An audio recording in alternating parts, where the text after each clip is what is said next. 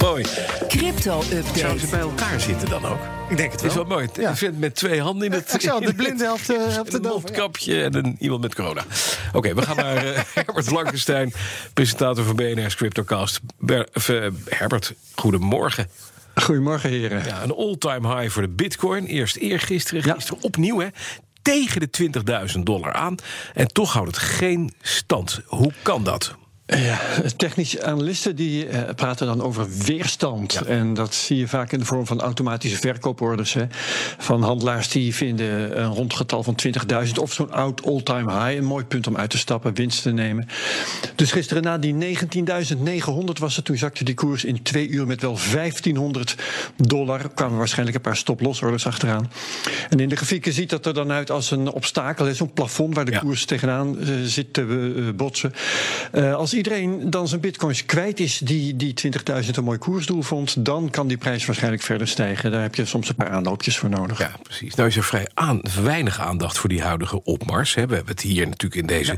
deze, deze eh, Ja, wij wel. up- ja, jouw update wekelijks wel over. Maar het was anders in november 2017. Toen stond de koers ook op bijna 20.000. En we weten wat er toen gebeurd is. Die is geweldig Ja, dat is waar. Ja. Maar die, die 20.000 toen, dat was de apotheose van een heel jaar van spektakel. Ja, ja. En dat begon al vroeg in 2017, dat weet je nog wel, toen het vorige all-time high van 1200 dollar werd doorbroken.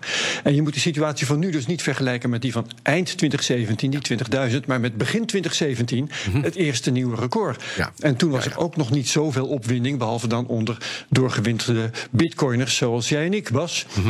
Ehm, en intussen hebben wel heel wat nieuwsites een stukje over geschreven. Maar wat zo grappig is, de meeste economieredacteuren die moeten er nog steeds aan wennen. Die schrijven er nog steeds over, zoals sportredacteuren schreven over darts toen Barney net opkwam, weet je wel. Wat moeten we met dat rare verschijnsel? Dat hoort bij ons helemaal niet thuis.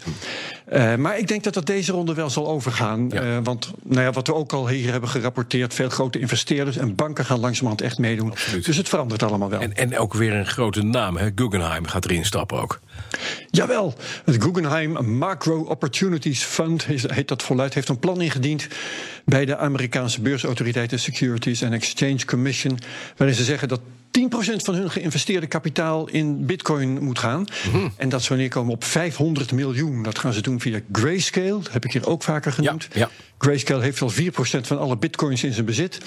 En 500 miljoen lijkt dan misschien niet zoveel op een marktkapitalisatie van inmiddels 360 miljard. Ja, maar toch. de meeste bitcoins zijn helemaal niet te koop, dus het is echt significant. Eh, toen dit maandag bekend werd, ging de koers van de bitcoin meteen met zo'n 1000 dollar weer omhoog. Nou, kijk aan. Wat zit er deze week in de CryptoCast tenslotte? We hebben Marcel Burger, hij is adviseur voor cryptobeleggers. En we gaan het hebben over de koers van bitcoin natuurlijk, over de gretigheid van beleggers. Het lijkt wel of er een omgekeerde wet van vraag en aanbod bestaat. Hoe hoger de prijs, hoe hoger de vraag. En we gaan natuurlijk het stock-to-flow model nog eens van stal halen... dat een bitcoinprijs voorspelt van tonnen voor volgend jaar. Ja. Dus luisteren. Herbert Blankenstein, dankjewel. Alle afleveringen van de CryptoCast te beluisteren via BNR app, de bnr.nl, onze site of je favoriete podcast app.